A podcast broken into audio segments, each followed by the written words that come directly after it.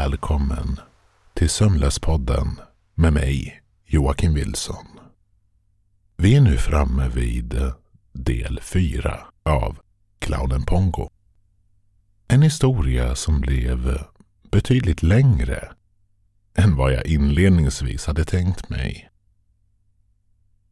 Om du som lyssnar är intresserad av att höra historier som är uppdelade i flera delar eller om du föredrar kortare, skriv då och berätta vad du tycker på Facebook, Instagram eller mejla till somlospodden at gmail.com.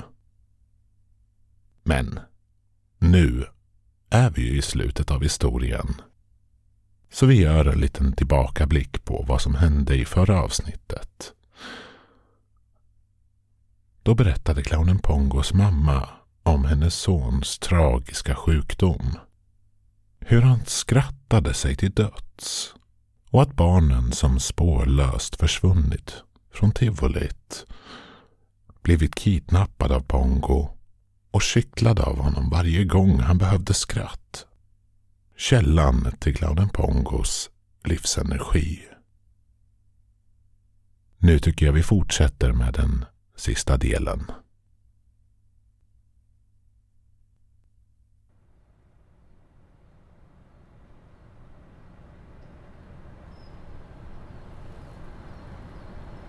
Mörkret hade svept in i natten och vinden bet hårt mot mina kinder. Jag borde egentligen ha tagit med mig min halsduk som jag fått i julklapp förra året av Emma. Den eh, rödblårandiga. Men när jag väl såg Emma på stationen så hade jag ingen aning om att jag nu skulle stå här vid spökhuset en sen kväll och invänta ett möte med clownen Pongo. Skylten till spökhuset var med skakiga bokstäver och ett litet spöke som skrek i förtvivlan och utgjorde öet. Den lysande gröna färgen, som blivit mer matt med tiden, gjorde att det såg otäckt ut. Häxorna i plasthuvuden låg några meter från kropparna och på entrédörren fanns en skylt där det stod stängt tills vidare. Den sattes upp 1984.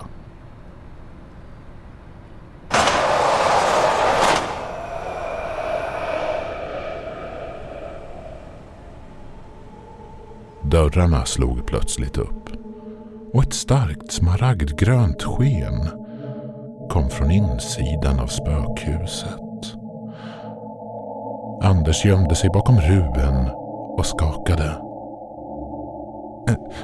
Är det här verkligen en så bra idé? frågade Anders. Fegis, fegis, du är en liten fegis. Retades Kajsa. Anders är inte feg. Det här är livsfarligt. Och jag älskar det. Utbrast Opal. Anders, tänk dig så här. Det är som att dra ut en mjölktand. Att det kan kännas läskigt först. Men vi har redan vickat på hela den här situationen med tungan. Och nu måste vi bara dra ur den så att någonting nytt kan växa. Sa Emma. Anders såg lugnare ut och nickade. Så, så, så vem, vem går in först? Frågade Ruben försiktigt. Du har innebandyklubban. Men om du inte vågar Ruben, då kan jag gå först. Ruben fnös till, som om jag just förolämpat honom och ställde sig främst i ledet. Jag gick efter. Sen Emma. Efter Emma gick Kajsa och Tommy. Och efter det Anders. Och sist i ledet var Opal. Det var så trångt i ingången att vi inte kunde gå i samlad klunga.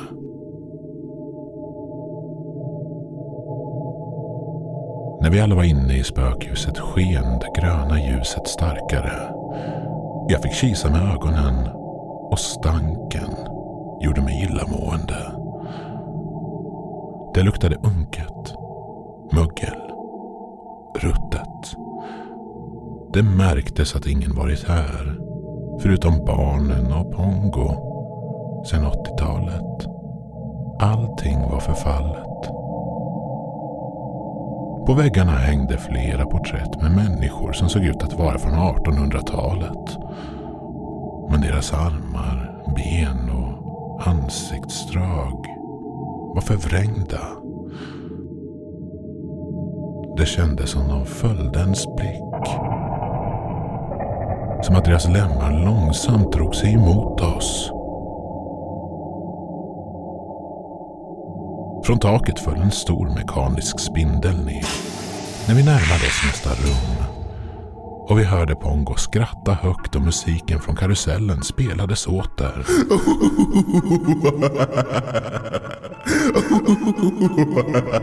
Det börjar bli varmare.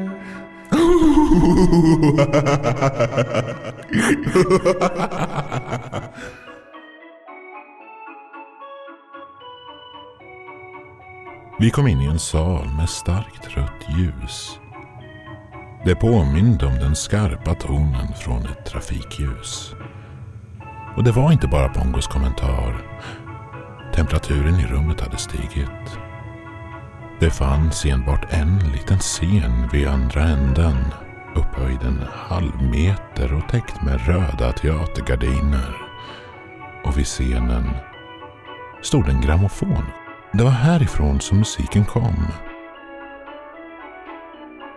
Emma tittade sig förvirrat runt och tryckte sig sedan skräckslaget mot väggen nära gången till det gröna rummet. Jag minns det här rummet.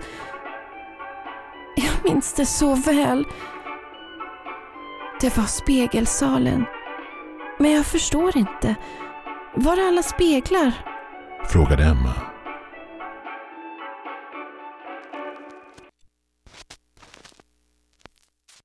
Musiken slutade spela och vi tittade alla mot scenen.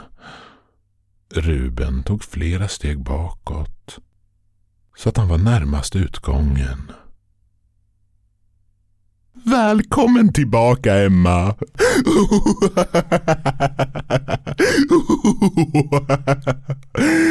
Och knubbis Ruben vågade sig hit utan att gryna. Dig uh, minns jag inte. Men jag är väldigt glad att ni tog hit min alldeles egna fanclub också. Jag hade inte väntat mig en stor publik. Om jag visste det skulle jag ha varit in fler nummer.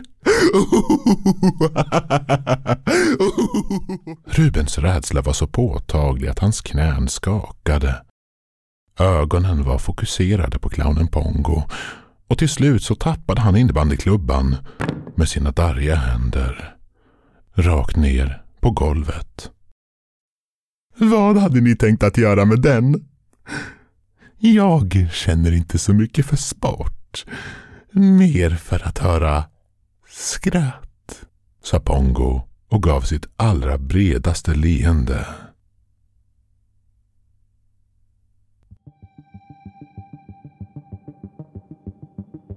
Och Paul tog upp innebandyklubban från marken och rusade framåt scenen. Hennes tänder var ihopbitna, näsvingarna fladdrade. Hon slog ett hårt riktat slag i Pongos riktning.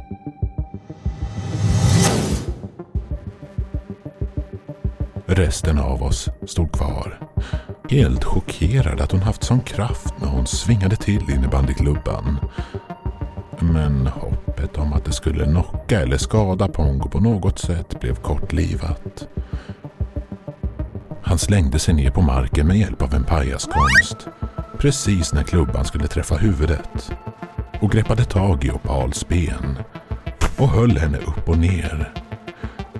Pongo pressade Opals kropp närmare sin egen och började kittla henne med sina stora händer. Hårt och oförsiktigt, utan någon form av sympati. Kill, kill, kill, kill, kill, kill, kill.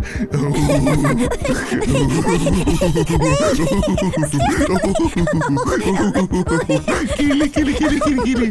Kill, kill, kill, kill, kill, kill, kill. Kill, kill, kill, kill, kill, kill, kill, kill. De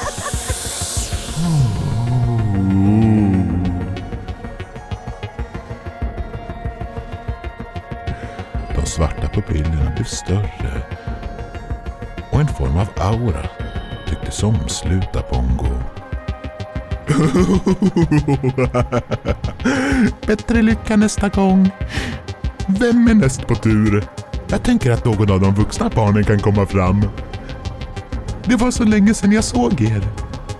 Ruben? Emma? Berätta lite om hur era liv har varit. Kanske? Jag trädde fram. Jag hade helt enkelt fått nog. Tänkt att han skadat dessa barn för sista gången. Jag ställde mig framför Pongo med en beslutsam min. Han kramade om Opals ben och höll henne fortfarande upp och ner på den lilla scenen. Pongo, har du kallat hit oss? Och i sådana fall, varför? Emma började få mardrömmar om dig igen och Ruben hörde ditt skratt hela vägen från sin lägenhet, sa jag. Jag har blivit trött på barnens skratt. Se in i deras ögon. Det finns ingenting kvar av dem. De börjar gå sönder. Ni kanske inte är barn längre, men era skratt duger gott och väl. Jag tittade mot innebandyklubban som låg på scenen nära Bongo. Ajabaja, herr Anonym. Så kul ska vi inte ha det. Ska ni slåss mot en stackars försvarslös clown? Sa clownen Pongo och tog sitt finger mot vänsterögat som om det just föll en tår och skrattade sen.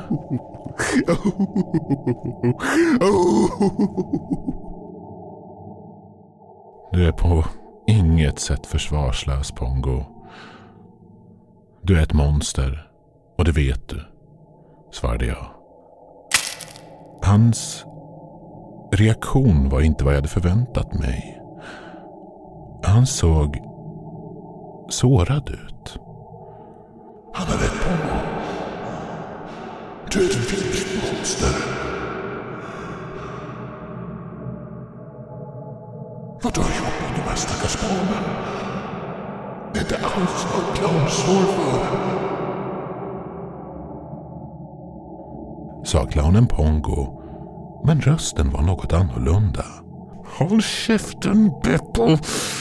Allt är ditt fel från första början. Om du inte skulle gett mig den där jävla clownnäsan så skulle vi inte behövt vara här.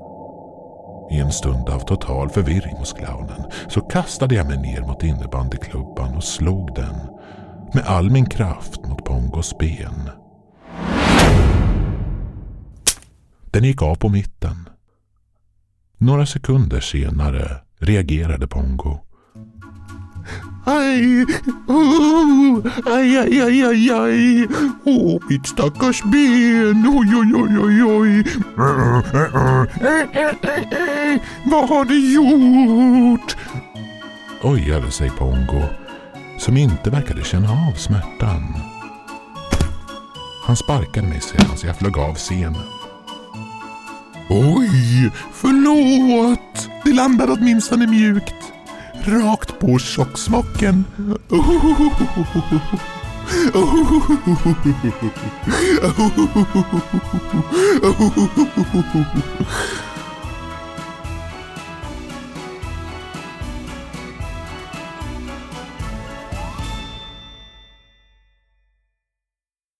Nej, nej, nej nu får det fan vara nog. Jag är så fruktansvärt trött på dig Pongo, sa Ruben. Han klampade upp på scenen, drog tag i Opals ben, lossade henne från Pongos grepp. Ruben var just på väg att utdela ett slag rakt i ansiktet på Pongo när clownen duckade smidig som en akrobat och dök upp bakom honom och började kittla honom. Nej! Sluta! Nej!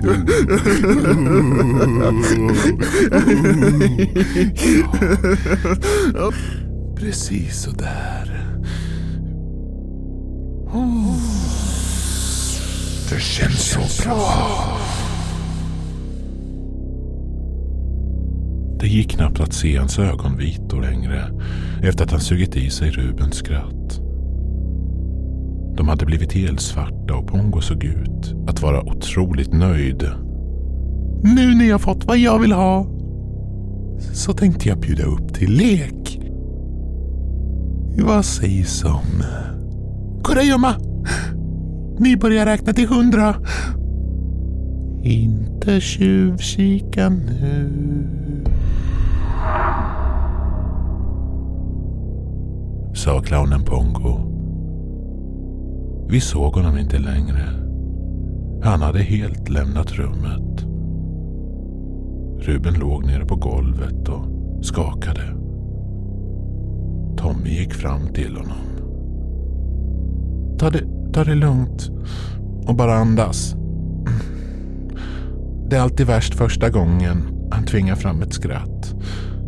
Men efter ett tag så känns det inte så mycket längre. Ja, jag vill inte mer. Sa Ruben och stirrade rakt upp i taket. Emma kramade om Ruben en stund och smekte hans panna för att försöka få honom att kvickna till. Minut för minut så verkade min vän komma tillbaka till sig själv. Men var fortfarande skärrad. Men hur ska vi göra nu? Ska vi följa efter Pongo? Frågade Emma. Ja, jag är inte redo. Sa Ruben med kippande andetag. Men vad var hela den där eh, Beppo-grejen? Brukar han prata om honom? Det är konstigt. När Pongo kittlar mig så ber han ibland om ursäkt. Men sen blir han jättearg att han har gjort det. Det är lite som att två hjärnor, eller själar, kämpar emot varandra. Sa Kajsa. Så Beppo lever kvar i Pongo? Sa jag och strök min haka och försökte förstå. Vi lät Ruben och även Opal, som var mer tagna av situationen än vad hon ville erkänna, vila en stund och hörde hur clownen Pongo skrattade från övervåningen. Jag tänker inte spela Pongos dumma spel. Han får gömma sig bäst han vill. Det blir bäst så. Sa Opal. Jag kände hur värmen i det röda rummet stegvis ökade och blev allt mer outhärdligt. Dörren till utgången, det gröna rummet med den smala korridoren stängdes. Mina kläder blev blöta. Svetten rann likt en flod ifrån pannan, armhålorna och magen. Vi måste ut härifrån. Sa jag och flämtade likt en hund som lämnats kvar i sommarhettan.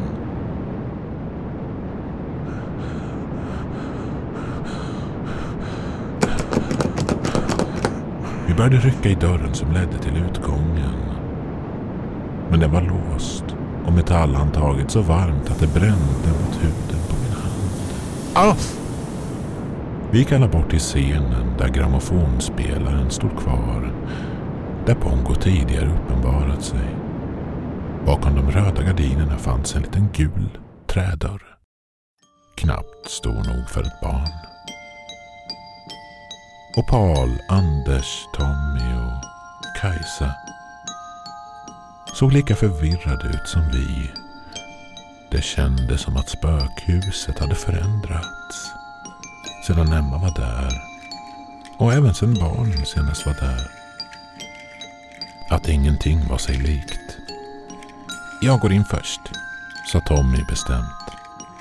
Han hukade sig ner och började krypa in mot dörren innan jag, Emma eller Ruben hade någonting att säga emot om det.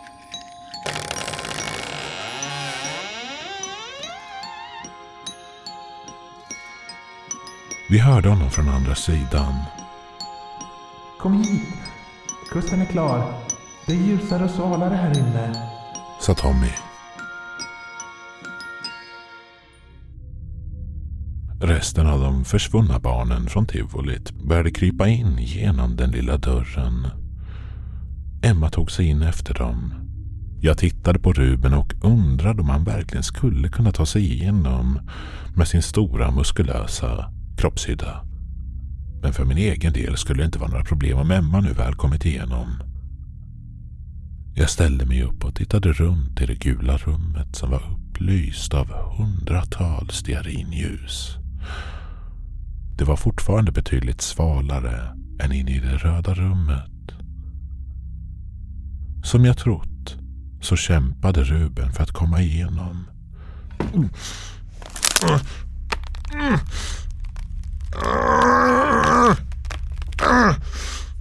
Han flaxade vilt med sina armar genom dörren tills han inte kunde röra dem. Aj! Jag sitter fast. Kan ni hjälpa mig? Försök dra in mig. Eller ut mig. Snälla. Sa Ruben panikartat. Vi försökte alla dra i hans axlar för att få honom genom dörren. Men Ruben rörde sig inte en centimeter. Han började gråta och planterade ansiktet på den beiga persiska mattan.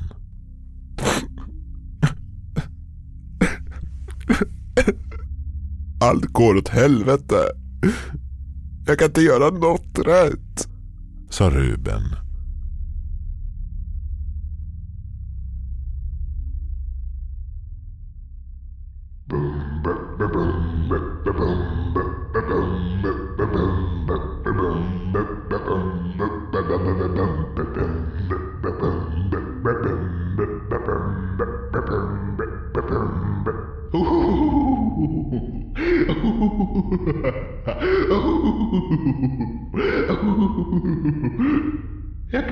Tro det.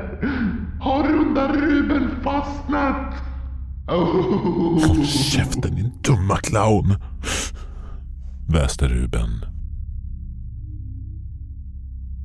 Resten av oss var nu inne i det gula rummet. Det påminde lite om en eh, studentkorridor. Med flera dörrar vid sidorna av rummet. Vi gick alla tillsammans in i en av dem. Dörren var i metall och grön och såg ut att leda till en källare. Men vi kom ut vid andra sidan genom en smal trädörr. På motsatt sida av salen.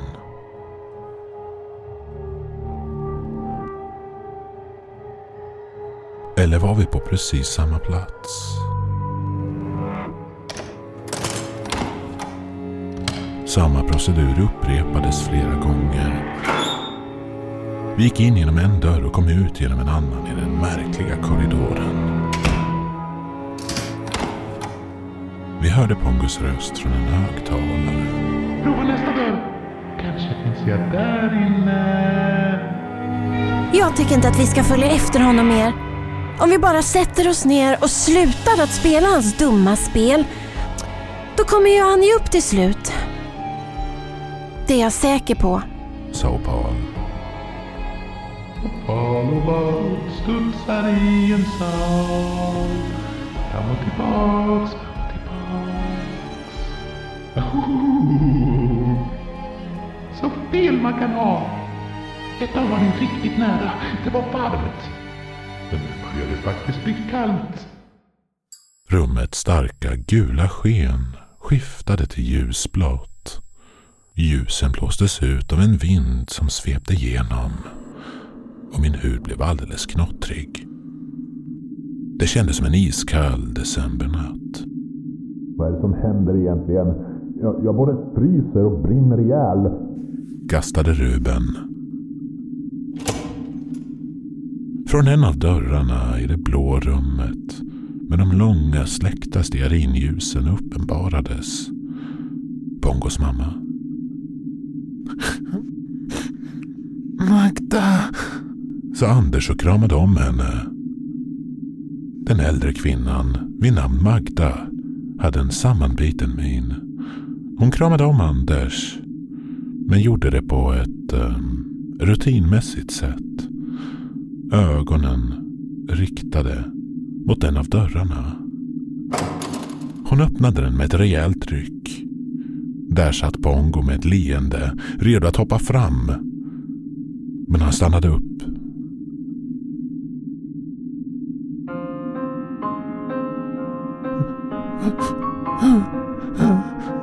Mamma! Pongo? Det är någonting som jag har velat haft sagt i alla dessa år. Jag har inte vågat det. Fram till nu. Det måste bli ett stopp på det här.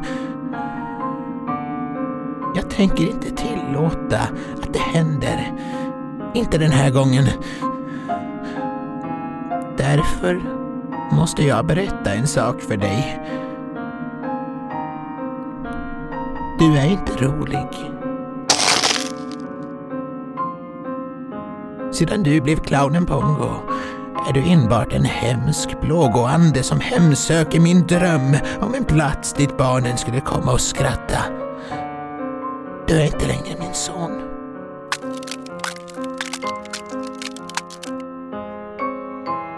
Bongos leende brast och han satte sig ner på golvet.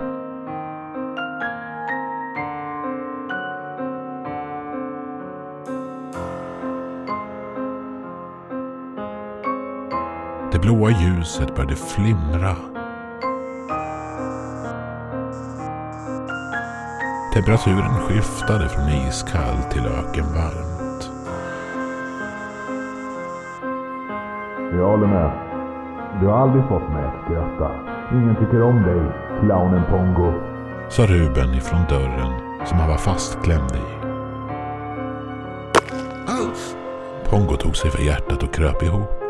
Blev mindre från det lilla rummet han gömde sig i. Som inte var större än en städskrubb. De har rätt Bongo. Och du vet det. Det enda sättet du kan få fram ett skratt på är genom att svinga det. Vad säger det om dig? Clownen Pongo började febrilt att se sig runt. Som om han letade efter en utgång. Men vi trängde oss närmare honom. Tills hans konturer blev allt mer otydliga. Och han var nära på att försvinna. Blev osynlig likt ett spöke. Men blicken var vidöppen. Och han tittade bedjande mot mig. Snälla, skratta åt mig. Ingen kommer någonsin att skratta åt dig igen, Pongo. Eller ens komma ihåg dig, sa jag.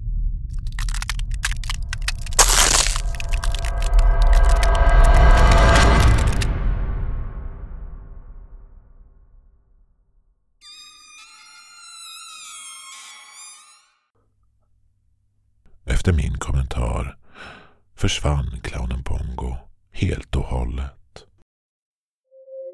Och vid samma stund som han dunstat bort så började barnens kroppar att förändras. De blev längre, äldre. Näsorna växte tillbaka. Ögonen fick nytt liv. Och plötsligt stod jag där framför fyra jämnåriga. De hade inte längre på sig sina trasor till kläder.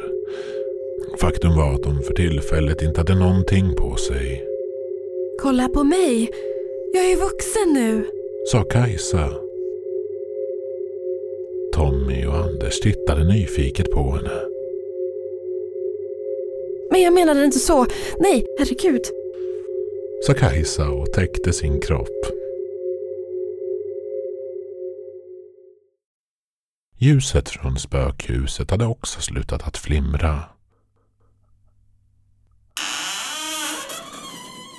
Rummets dörrar fungerade att öppna.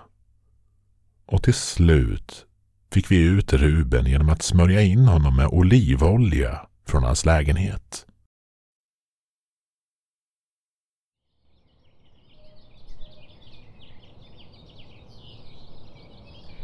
Anders och Paul, Tommy och Kajsa började snabbt att anpassa sig till vuxenlivet och tog olika jobb i staden. Jag är nu god vän med alla fyra av dem. Året därefter gick jag förbi det gamla tivolit på väg för att träffa Ruben. Jag såg Magda, Pongos mamma. Hon skakade hand med borgmästaren, några viktiga personer från kommunen som jag kände igen från den lokala tidningen och en fotograf som tog bilder. Framför dem var en stor skylt där det stod Nylansering av tivolit. Öppnar igen sommaren 2024.